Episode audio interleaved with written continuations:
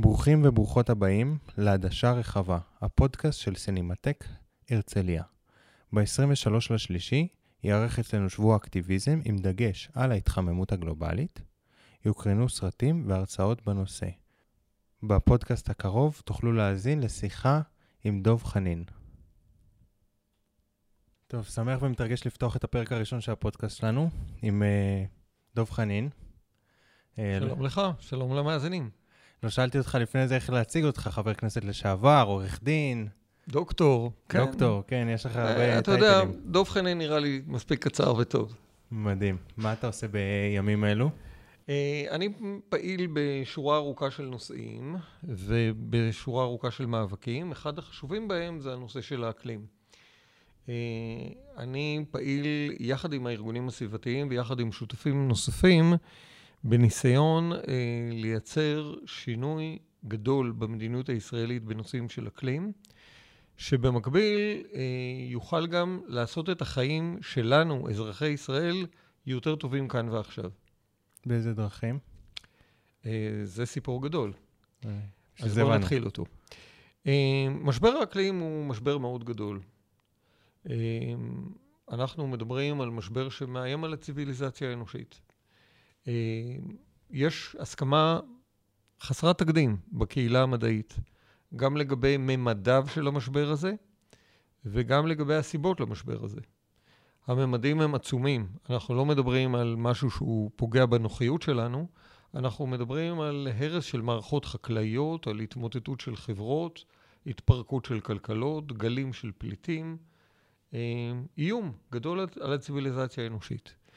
אה, גם לגבי הגורמים למשבר ישנה הסכמה מאוד רחבה. אנחנו מבינים שהבעיה העיקרית היא העובדה שאנחנו שורפים גז, פחם ונפט, מייצרים גזי חממה, שהופכים את האטמוספירה של כדור הארץ לחממה אחת גדולה, ומשבשים את המערכת האקלימית המאוד מאוד עדינה, שמאפשרת לנו, בני האדם, להמשיך לחיות בכוכב הזה.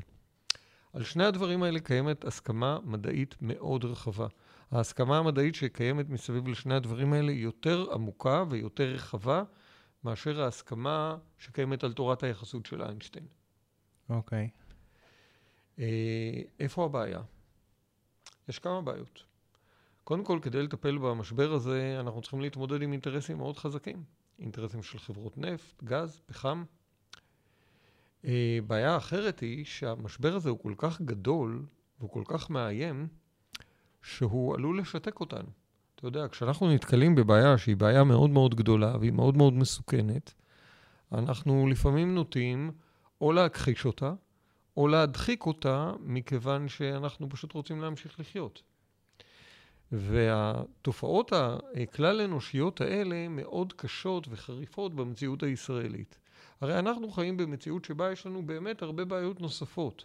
יש לנו בעיות ביטחון, ויש לנו בעיות חברתיות, ובעיות כלכליות, ומערכת הבריאות, ומשבר דיור, יש הרבה בעיות בחברה הישראלית.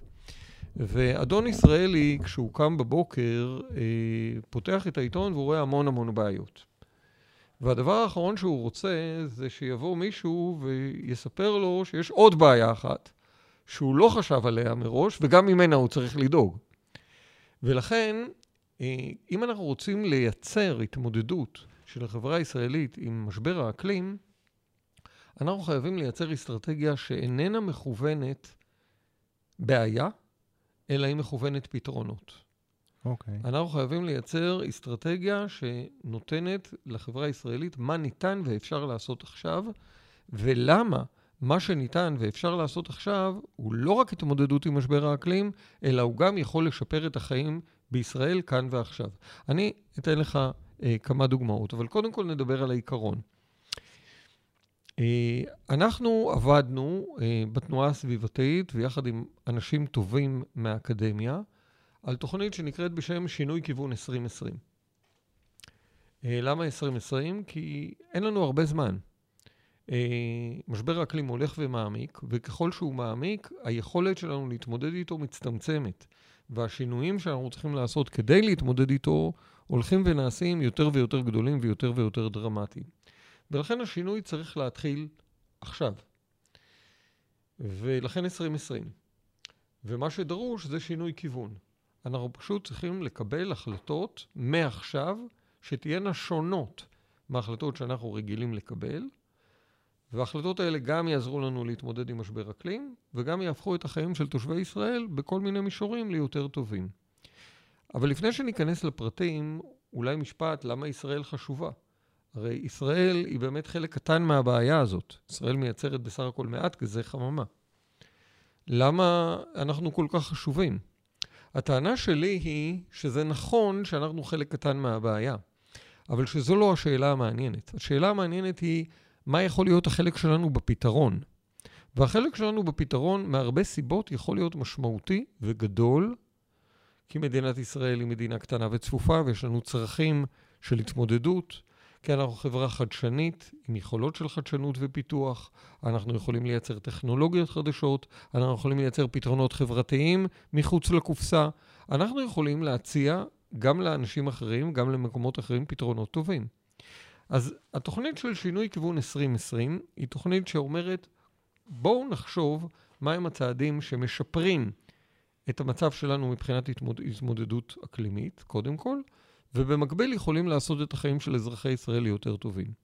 נתחיל בנדבך הראשון. איזה סוג החלטות אנחנו צריכים כדי להתמודד עם משבר אקלים? אנחנו צריכים, ראשית, לצמצם את הפליטות של גזי החממה, זאת אומרת, לצמצם את השריפה של גז, פחם ונפט, ושנית, להגדיל את יכולת הספיגה של גזי החממה שנמצאים כבר בסביבה שלנו. איך סופגים גזי חממה? יש לנו מערכת שיודעת לעשות את זה נפלא, הטבע. אבל גם אותה אנחנו משבשים. עצים, פרחים, אה, צמחים בכלל, יודעים לספוג גזי חממה. האוקיינוס, הים, יודע לספוג גזי חממה אם אנחנו לא מחממים אותו והוא נעשה יותר ויותר פחות מסוגל לקלוט. אבל אם אנחנו נשמור על הטבע שלנו ואם אנחנו נגן על הטבע שלנו, אז הטבע הוא מערכת נהדרת שמאפשרת לנו לספוג יותר. אז צריך להבין, חלק מהתוכנית זה לשמור על הטבע כדי שהטבע יוכל לספוג יותר גזי חממה. יותר עצים, יותר, יותר שטחים ירוקים, יותר צמחייה וכדומה. זה נכון להתמודד עם משבר אקלים, אבל זה גם נכון לחיים שלנו. אה, אנחנו צריכים צמחים כי הם גם נעים להיות איתם, אנחנו רוצים עצים כי עצים יכולים אה, לייצר אוויר יותר נקי, כי עצים אה, יכולים לייצר לנו צל, שאנחנו נוכל ללכת ברחובות העיר ויהיה לנו נעים. אז יש הרבה הרבה סיבות ליותר עצים חוץ מהתמודדות עם משבר אקלים. אז אנחנו עושים פה מהלך שהוא פועל לשני הכיוונים. גם מתמודדים עם משבר אקלים וגם משפרים את החיים של אזרחי ישראל לטובה. אז מה שאתה אומר זה בעצם לשמור על המקומות אה, עם הטבע הקיימים וליצור עוד מקומות עם טבע נכון. חדשים? ו- ו- ולעודד, אה, לש- לש- לעודד שמירה של טבע, טיפוח טבע, טבע עירוני, אה, נטיעת עצים, זה חלק מהתמודדות עם משבר אקלים. בחקיקה או... יש לזה הרבה מאוד אמצעים, אבל לפני שנדבר על האמצעים, בואו נחזור עוד רגע לעקרונות. אז אמרנו, צד אחד של המשוואה, לחזק את יכולות הספיגה של גזי חממה, צד שני של המשוואה זה לצמצם את הפליטות של גזי חממה. איך מצמצמים את הפליטות של גזי חממה? אז גם, גם כאן יש שורה של צעדים בתחומים השונים של חיינו, שאם נעשה אותם, גם נעשה את זה וגם נשפר את החיים שלנו. בואו ניקח למשל את תחום האנרגיה. מדינת ישראל היום, משק החשמל שלנו נשען במידה רבה עדיין על פחם. אה, אנחנו שמחים על המהלך שמתרחש עכשיו של להשתחרר מהתלות בפחם. אבל אנחנו אומרים שאסור לנו להחליף עכשיו את התלות בפחם בתלות חדשה בגז. כי מבחינת גזי חממה, הגז, שקוראים לו גז טבעי, הרי גם הפחם הוא טבעי, הכל טבעי, אבל הגז שאנחנו אה, מפיקים היום בים, אה, ואנחנו רוצים להשתמש בו כדי לייצר חשמל, מייצר גזי חממה. הוא אפילו מייצר גז חממה שהוא יותר אפקטיבי מ-CO2, וזה מתאן. אז גז לא יכול להיות הפתרון. הפתרון נמצא במקום אחר. איפה נמצא הפתרון? הפתרון נמצא באנרגיה מתחדשת, שמש.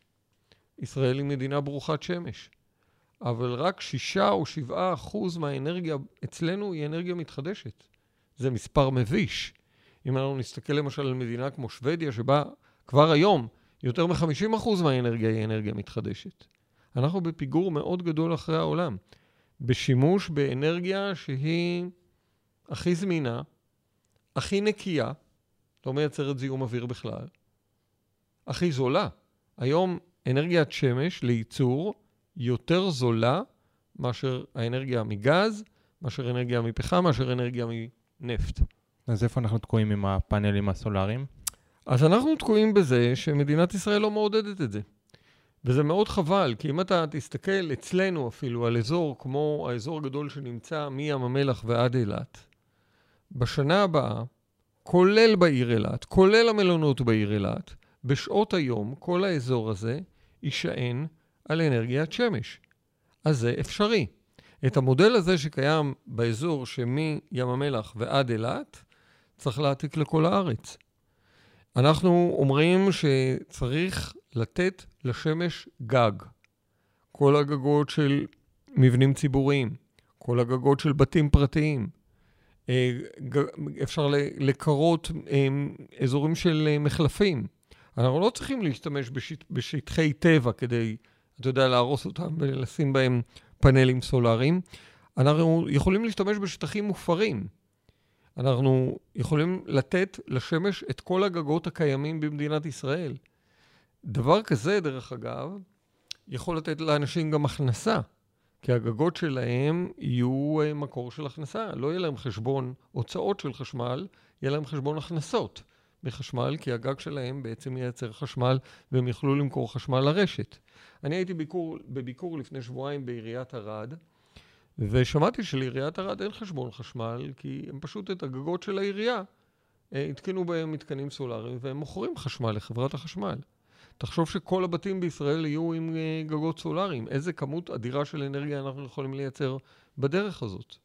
ממה שאני גם... מכיר זה אה, פשוט תהליך בירוקרטי שהוא קצת מורכב ומסורבל. אני מכיר אישית אנשים שהזמינו פאנלים מחו"ל, ובשביל לא לעבור את כל האישורים של חברת החשמל. אז אני אומר, כל, יש כל מיני מחסומים וחסמים בדרך שצריך להתגבר עליהם, ואלה הן החלטות של מדיניות. המדינה צריכה להחליט שהיא רוצה לקדם אנרגיה מתחדשת.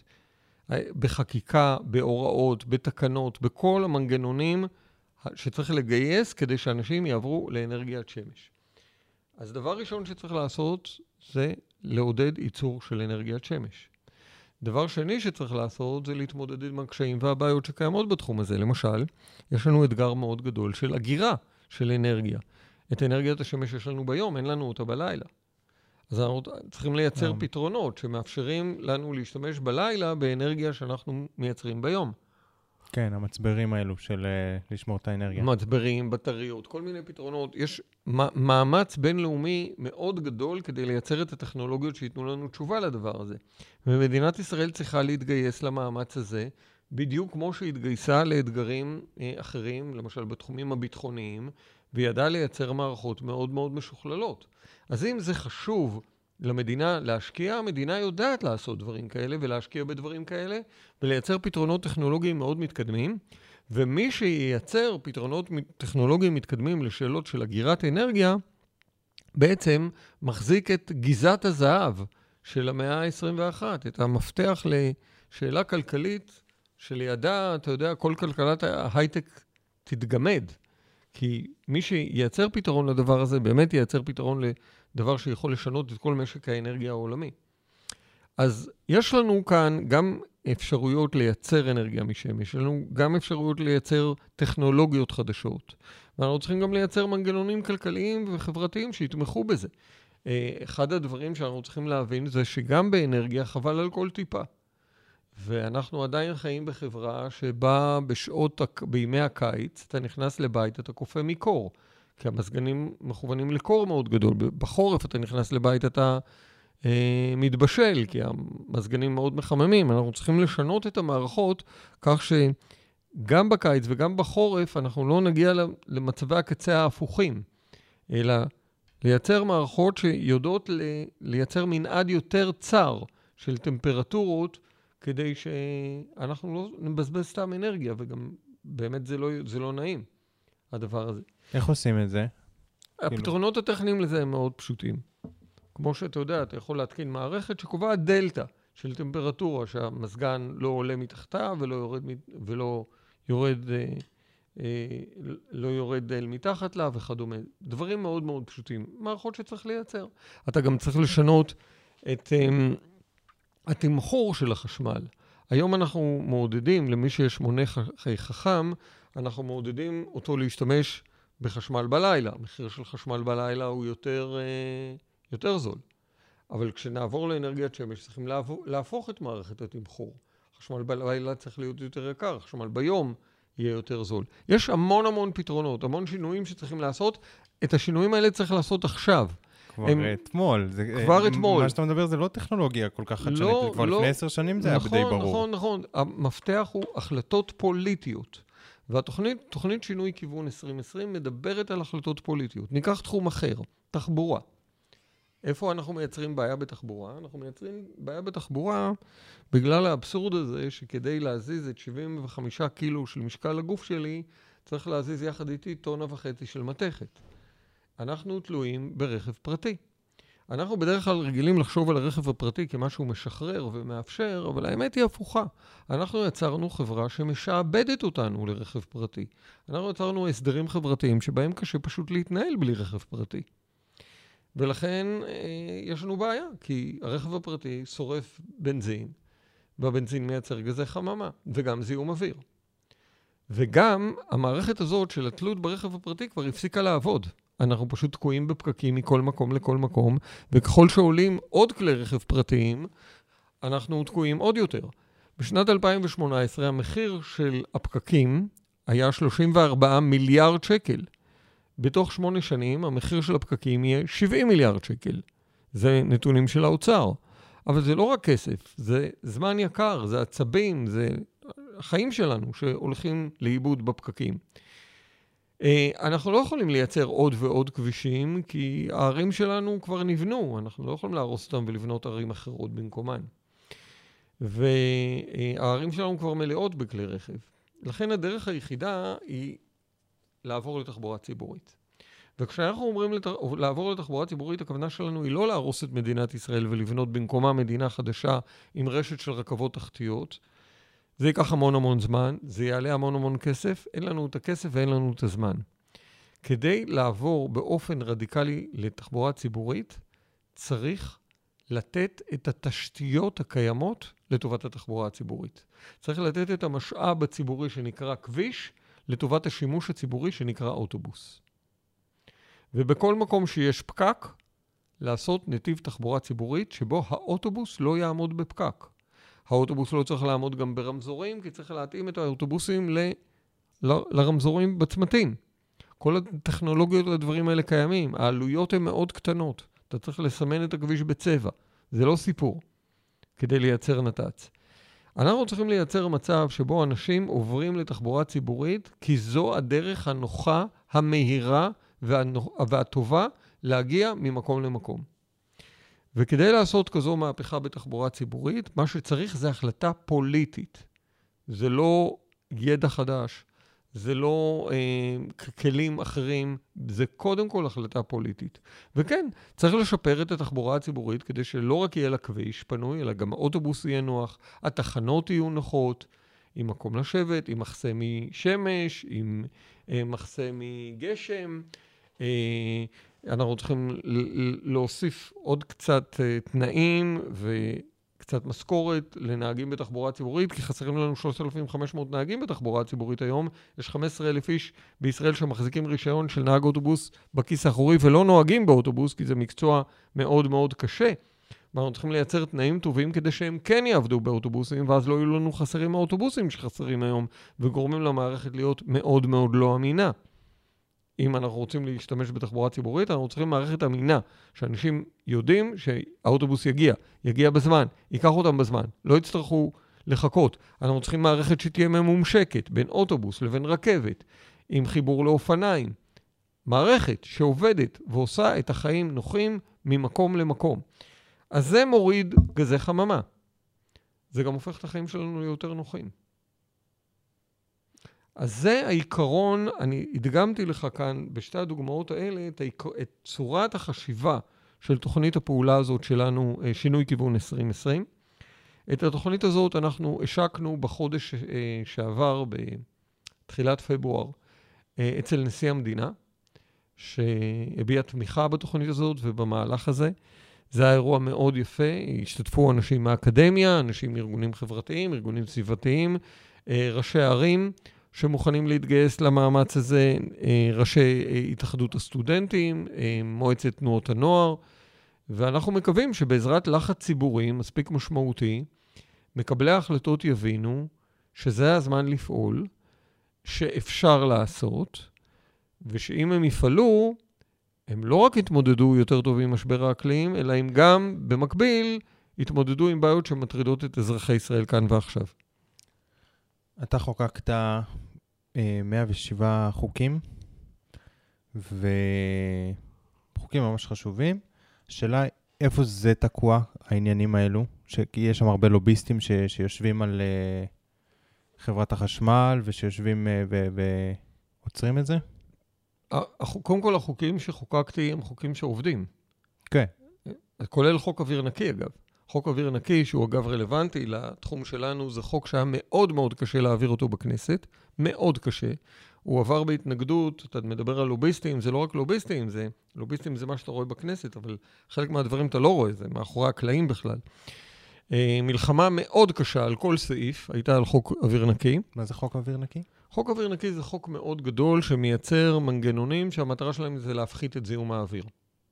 אוקיי. Okay. והחוק הזה עבר באמת במלחמה מאוד מאוד קשה, ולפני זמן לא רב אנחנו ציינו יום הולדת 10 לחוק אוויר נקי, וביום הולדת 10 לחוק אוויר נקי הממשלה עשתה מחקר לבדוק כמה חוק אוויר נקי עלה, כמה הוא עלה לחברות המזהמות. והם גילו שהחברות המזהמות צדקו בהתנגדות שלהם לחוק. כי זה עלה להם המון כסף. יש לך מושג כמה הוא עלה בעשר שנים, חוק אוויר נקי? אין לי מושג. 38 מיליארד שקל. 3.8 מיליארד שקל בשנה. אז החבר'ה האלה צדקו כשהם נלחמו בכל האמצעים נגד חוק אוויר נקי. Uh, הצד השני של המשוואה זה שהחברה הישראלית הרוויחה בזכות חוק אוויר נקי 115 מיליארד שקל בעשר השנים האלה. אה, זאת אומרת, על כל שקל שהם השקיעו בהפחתת זיהום אוויר, החברה הישראלית הרוויחה שלושה שקלים, בעיקר בהפחתה של תמותה ותחלואה. מה זה אומר? זה אומר שאפשר. נכון שיש לוביסטים, נכון שלגורמים המזהמים יש הרבה הרבה כוח, יש קשרי הון ושלטון, אבל בהחלט אפשר להתגבר על ההתנגדויות האלה. והמסר שלי לציבור שמאזין לנו כרגע, הוא בדיוק המסר האופטימי הזה. אם אנחנו נתגייס למאמץ, אם אנחנו נהיה ממוקדים, אם אנחנו נדע לייצר תוכנית של שינוי מעשי ולא רק בדקלרציה, אנחנו נוכל לייצר את השינוי הזה. ש... שקצת שאלות לקראת סיום. אה, אני האדם הקטן, מה אני יכול לעשות? כי זה נורא חמוד שאני פחות אה, אשתמש בכלים חד פעמיים ופחות תיסע ברכב, יותר באופניים. מה עוד אה, לפי דעתך? הדבר הכי חשוב זה להבין שלבד אנחנו לא יכולים. אני בעד שתעשה את כל הדברים הטובים באופן אישי, אבל הדבר החשוב הוא להבין שכדי להתמודד עם משבר האקלים אנחנו צריכים שינויי כיוון פוליטיים, בהחלטות הפוליטיות של הפוליטיקאים. וכדי לייצר את הדבר הזה צריך לייצר מסה קריטית של לחץ על מקבלי ההחלטות כדי שהם ישנו את הכיוון שלהם. איך אנחנו קוראים לתוכנית? שינוי כיוון. ולכן, אם אתה אזרח, אה, אני לא אוהב את הביטוי האזרח הקטן, כי האזרח מבחינתי הוא הגדול. הפוליטיקאים הם בדרך כלל הקטנים והאזרחים הם הגדולים. מקבל. אז בתור אזרח גדול, אתה צריך להסתכל מסביבך, להצטרף לרשתות ולהתארגנויות שפועלות בנושא הזה, למצוא דרך להביע את דעתך, אה, יחד עם אנשים אחרים, בפלטפורמות ברשת, בפעילות אה, ציבורית, בהתארגנות קהילתית, במיליון דרכים, וללחוץ על מקבלי ההחלטות. נשמע שאתה ממש מתגעגע לפוליטיקה ואתה פה, פה, ממשיך לפעול בפוליטיקה פשוט בדרך שלך. בדיוק. אני כרגע מרגיש שאני לגמרי בפוליטיקה, אני לא בכנסת, אבל פוליטיקה אמיתית לא מתחילה בכנסת ולא נגמרת בכנסת. פוליטיקה אמיתית זה מה שאנחנו עושים בחיים שלנו יום-יום. אתה יודע, אני לא מאמין שהדמוקרטיה, זה, היא מתמצה בזה שאנחנו אחת לכמה, חודש, אחת לכמה שנים, או לאחרונה, אחת לכמה חודשים, הולכים לאיזשהו מקום ושמים איזה פתק בקלפי, ואת יתר הזמן מקללים את אלה שהצבענו עבורם. אני מאמין שדמוקרטיה מתבטאת ביכולת שלנו להשפיע בכל יום, בכל שעה, בכל נושא. ואם אנחנו משמיעים את הקול שלנו כאזרחים, אם אנחנו מתארגנים ופועלים ביחד, אנחנו בהחלט משפיעים. מדהים, זה אחלה דרך לסיים. תודה רבה. תודה רבה לכם. יס. Yes. שיהיה בהצלחה. תודה. תודה רבה לטכנאי השידור, נדב אנקר. אני יותם זיו, אנחנו עדשה רחבה, הפודקאסט של סינמטק הרצליה. תודה רבה לכם שהאזנתם.